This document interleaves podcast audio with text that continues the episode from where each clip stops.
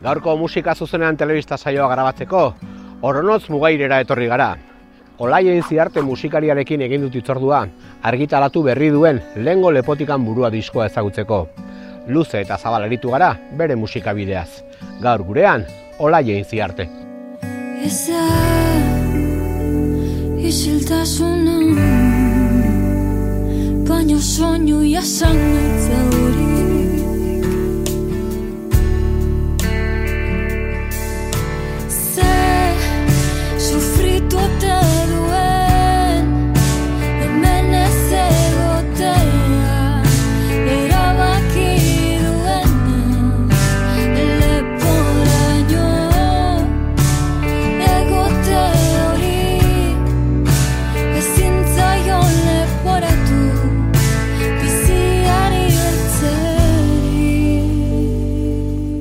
Hau polaia, Egunon, bueno, hemen elkartu gara, Olaien ziarte ezagutzeko. Azken aldian zuri izena bolo-bolo dago Euskal Herriko musik estenan eta saiatuko gara erreportaje honen bidez, ba, zu zeu ezagutzen eta orain arte egin duzun bidean sakontzen. Azteko dinta behin, zein da Olaia eta noiztik ari zara musika munduan?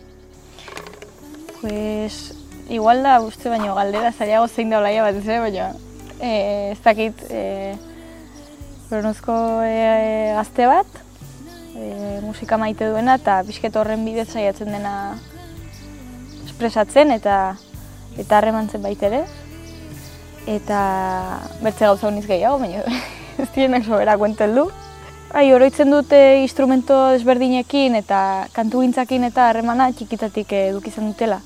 Eta gero, pos, gaztetatik e, jo naiz kasik nahi gabe gauza desberdinak iten, gitarrakin eta kantagintzakin harremanduak zeuden gauzak, bai trikitixa munduakin, zeren e, izan zen ere lehendabiziko instrumentua, eta ezakit pos, eduki genuen er, erromeri punki bat ezinka izena zuena, eta gero teklekin hasi nintzen pixka bat usurbilgo nataldi taldea zenakin, baitere, e, pleuren abeslaria aitu nintzen, gero txika sobresaltokin ere bai teklekin aitu nintzen, tapiakin koroa korista bezala baita ere, Iker Lauro baki maite ere, atzen du gabe, zen Ikarri izan zen la lehendabizikotatik e, konfiantza eman zian e, pues, plaza batean jotzen hasteko berekin, gauzen enetako ja serioagoak zirenak edo, eta nuen ideik ere.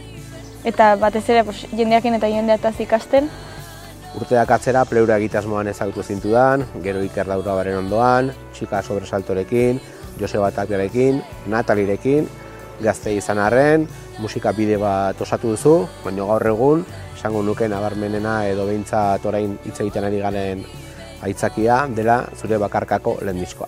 Ko, ez da, ez dakit nagusiena izanen den, bai pixke bat e, denetek personalena eta eta nire gain eta nirekin edo espazio gehien hartu duena pixke bat e, nire bizian eta gogoz hasi nintzen eta gustora horrekin.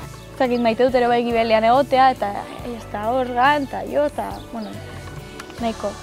Eta mm, desberdin da, pues, ja, sorkuntzan parte hartzen baldin baduzu, eta aurpegi eman barra baldin baduzu manera hontan, e, Karo, pleuran ere bai adibidez lehendabiziko filan patu barra nintzen, baina igual sorkuntza zen ere bai, grupalago edo Horei da, hola gauza guziek aldi berean edo bezala, eta desberdine da, eta bodu bere alde ona eta bere alde txarra. Osa, que en naiz kejatzen hasiko ez, ez du balio eta hontan sartu naiz ni bakar bakarrik.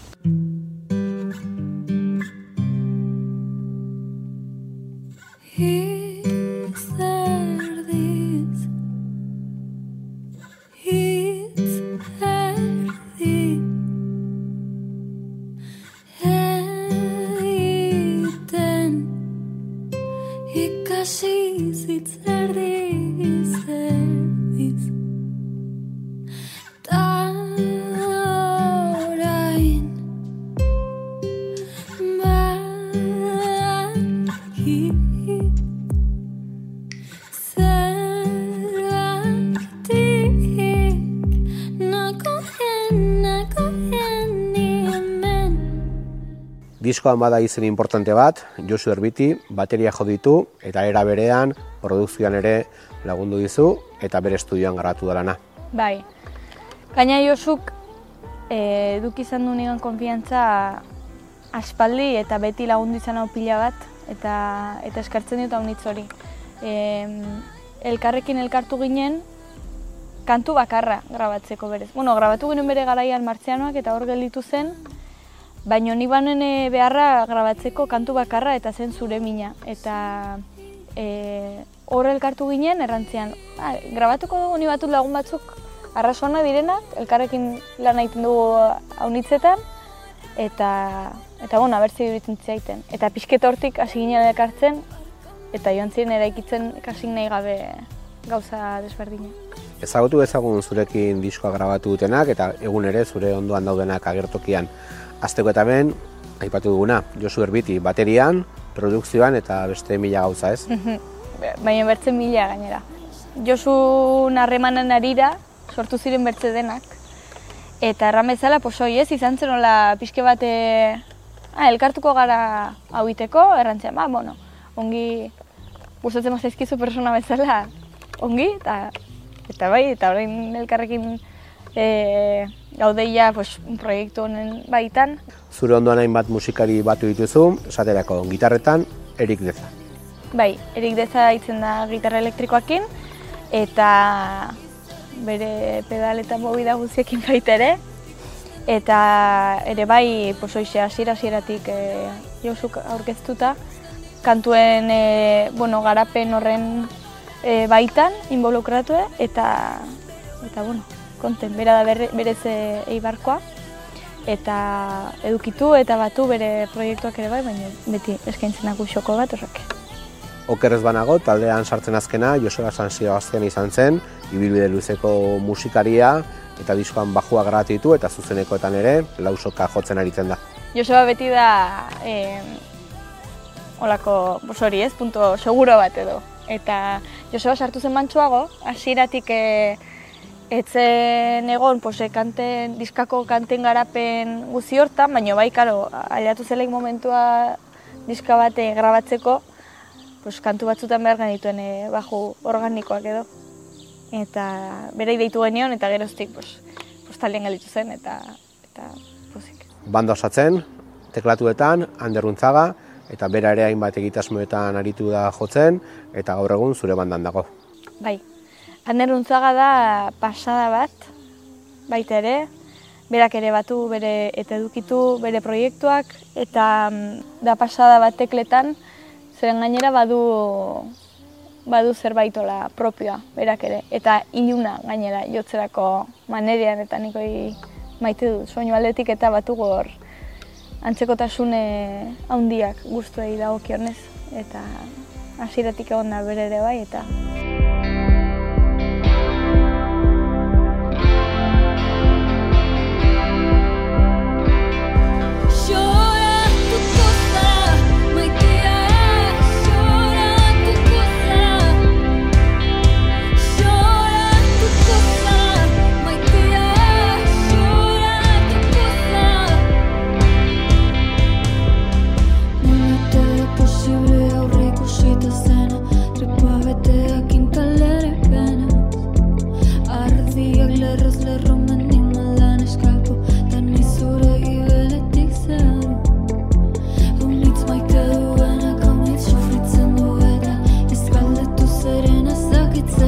Lengo lepotikan burua izena du zure debuteko diskoak eta esan daiteke agian diskonetan batu dituzula azken urteetan sortu dituzun kantuak, ez? Aipatu dugu lehenik ere, disko anitza dela, koloretsua, hainbat ere ibiltzen dena, eta irudikatzen du, esan bezala, ba, denbora tartu honetan egin duzuna. saiatu nahi ziten alako omenaldi txiki bat baita ere, gaur egun arte bidean nerekin egon den jendeai, egon diren musikei, egon, bueno, pues kontesto guzti horrei. Orden sartutut keinu desberdinek eta pues, igual sartu nahi izan dut keinuak nire amatxindako edo aitatxindako eta aldi berian e, nire buru musikari bezala garatzen lagundu nauten e, persona eta talde guzti horiei pues, erreferentziak edo edo bueno, nire ustez nabari, nabari dela pues, ze jo nahi zen pixket iresten eta zertik edan duten eta horrek lagundu nau baita ere e, pues, egun egiten dutena pues, kontestualizatzen eta eta hori garatzen. gaur egun diskoak disko izaten jarraitzen dute, baina kantuak gehien bat solto entzuten dira plataforma digitaletan, argitaratzen diren einan ere zintzilikatzen doaz sarean, eta zentzurretan igual gaur egungo diskoek ez dute igual hilo bat edo ari bat lotzen duena bat kantu bat bestarekin, ez? Agian zure ahotsa da kantu guztiak batzen dituena, baina unibertso oso ezberdina dago diskoan, imaginatzen dut hori ere ipat izan dizutela, ez? Bai, bai, bai.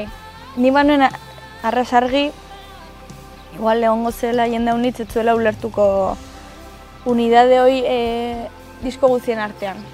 Niretako bazen zentzu handia, baina bai, batez ere kontzeptualki, referentzien aldetik, ah, pues hau da, e, honengatik eta hemen sartuko dut referentzia hau eta bertze kantu honetan sartuko dut bertze hau eta orduan elkarren artean lotura handia dute eta denek iten alako bildura, bilduma bat bai, bai sonoridade e, iturrien aldetik bai kontzeptualki eta eta elektrizikoki ere bai, baino banakien bakotxa zela uniberso bat eta jostatu nahi izan dut hortara ere bai.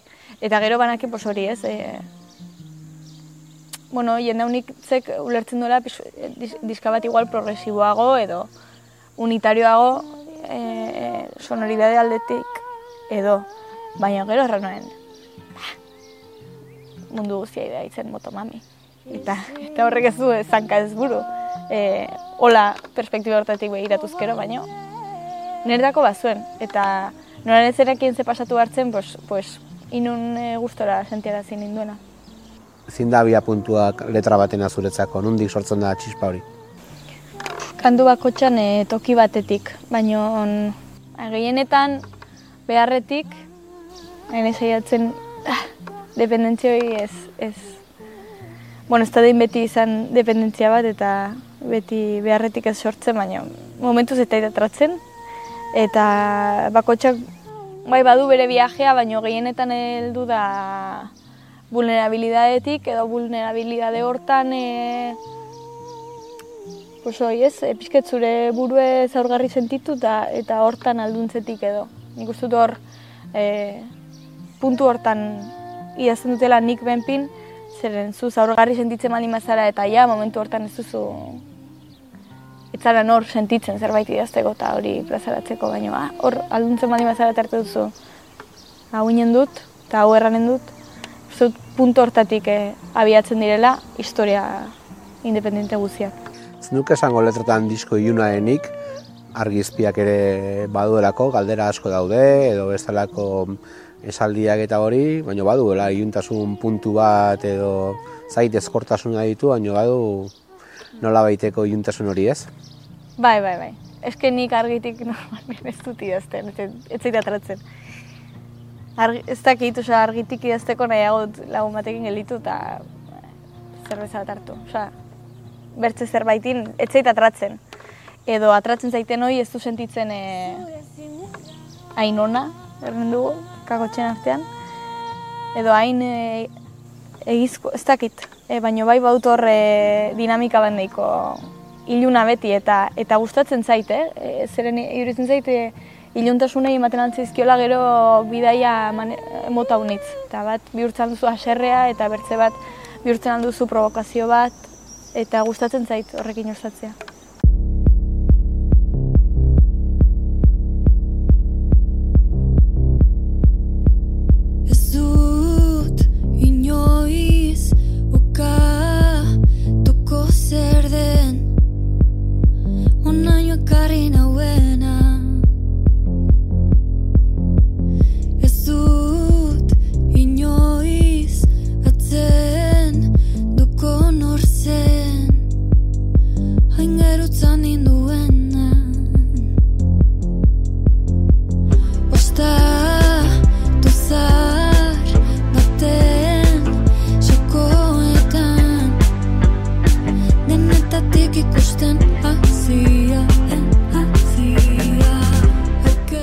Grabatzeko banda baten laguntza izan duzu, baino gainera hainbat kantuetan bai hainbat lankidetza, diskoari bestelako kolore bat ematen diotena ez, Olda Salvador, Peti, Ofe, Lain taldeko Kristina eta Leire, Joseba Tapia, kolaboratzaile importantea dira, diskoa borobiltzeko ezin hobeak ez.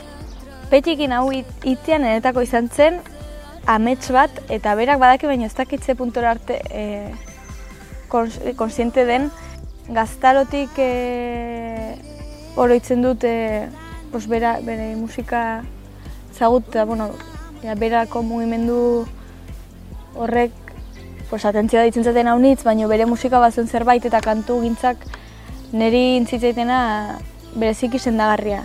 Eta, bueno, gerora, inkluso, ohartu ginen, nire zakurra zena, bere garaian bere txetik hartu nuela, ameka urte nituela, eta karo nikenak hortzen bera baino. Eta beraztu nire zakurra nahi, eta hola, movida bat.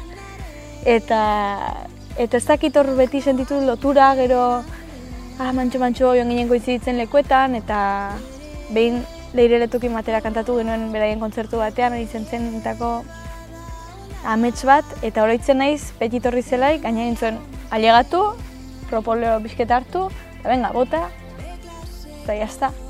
Eta oroitzen naiz ni kabina nitzela Josukin, eta behiretu zatela Josuk eta errantzatela, ohartzen zara? Eta erraner, pues momentu honetan ez, e, nahiz ohartzen, baino, baina, oza, negar batean egon nintzen gero aitzen, eta izan zen super berezia. Beste kolaborazio polit bat, Ola Salvadorena da, agian bere unaldeatik gertuago geratzen zaizuna, musikalki ere, eta beste kolaborazio importante bat, agian diskoko kantu ezagunetarikoan, ez? Ez olatzek ez nik ez genekin, hau, pasatu bertzen nik kantu horrekin, eta, karo, zukiten duzu zerbait, eta zerbait horrek badu bere viajea gero. Izan da, super, super persona urbila beti nerekiko, eta sentitzen dut, karo, igual, generazio urbilagokoa da, baina berak urte gehiago eramaten du, eta, eta olatzek beti nabaritu diot, e, por zaindu nahi izan nahuela eta kasu honekin olaia, eta bertze honekin ontara jo edo, eta hoi eskertzen da zeren ez, da, ez duzu beti hori jasotzen. Badire, movida eta kompetentzia handiak baita ere, eta gero ez da ikusten, baino, baino badire. Eta, eta bera da, jo, persona bat beti lagundu izan hauena eta ikusten nion horre leku bat, eta, eta bueno, geroztik gaina dugu kriston harremana baita berezi bai. Ondoren iruko bat, Tapia, Lire Leturia eta Kristina Arantzabe. E, Neitu nintzen Tapiakin korista bezala da batez, eta izan zen enetako amets bat, eh? E, da amatxindako inuen jota bat, eta niri intzaten ilusioa Joseba Tapiakin eta laineko bikoteakin e, kantu bat iteak oza, izan zen e, netako erokeri bat, eta egan, eta erran, amatxin dut Joseba Tapiakin zuretako jota bat. Bai, jazta. Eta amaitzeko, oferen parte hartzea ere kantu batean, ez? Gaur egun, indartxu datorren gazte beren aldi baten, adierazle tariko bat, ez? Bai. Ni nintzen fana, eta berako ibazeken. Eki gotzen dituen igual bere bersioak, eta ezagutu nuen kurosagoa kantuekin, atrazulai 2000 meretzi, 2000 nolako zerbait. Eta erren, ostia, nor da, tipo hau. Eta ba, bihurtu nintzen fana. Eta karo, erren hon, aber nik hau persona honekin nahi dut, igual kae, igual no kae, baina idatzi nion, eta errantzen, bai, bai, ez dakitze, eta bota zuen berezatia, osa hori bai berezatia da osorik berakina, eta melodia, eta idea pare bat, e, kantuan ere ikitze alde hortatik, eta bai, zentzen como, claro. Eta geroztik ere bai kriston harreman nahi dugu, eta bai, pozpozik egi denekin. Duela urte bete inguru grabatu zenuen diskoa, sei bete inguru kaleratu zela, nola ikusten dezu hemendik lehengo leopotikan burua diskoa? Ez dut idik ere. Osea, ez dakit ze pasatu den, baina bai e, duela urte bat hasi ginen, urte bat, justo, grabatzen. Eta, eta ikusten dut orai, eta eski pasatu dira gauza unitz. Pasaditu horrek ere bai bizke bat gainetik. Eta jakin dut orai kokatzen edo bizketu bikatzen horren aintzinen, zen batzutan ez da, jaten zara gauzak iten, eta ez zara enteratzen ere hai, eta eta bueno, ez dakit nago pixke bat kokatze puntu hortan, baina bai, oi, erran zutena, igual, zu zerbait iten duzula eta zerbait horrek iten du bere viajea, ez? E, pues hori pasatu da nustez bereziki, zeren, karo, ni nire viajea indu da, hasi nahi zenteratu zein duten. Eta nago kokatze prozesu hortan, osatuko zitzaiten ritmoa pixke bat bajatzea baita ere enteratzeko. Eta, eta bizitzeko konstienteago, zeren gauza unitz baztu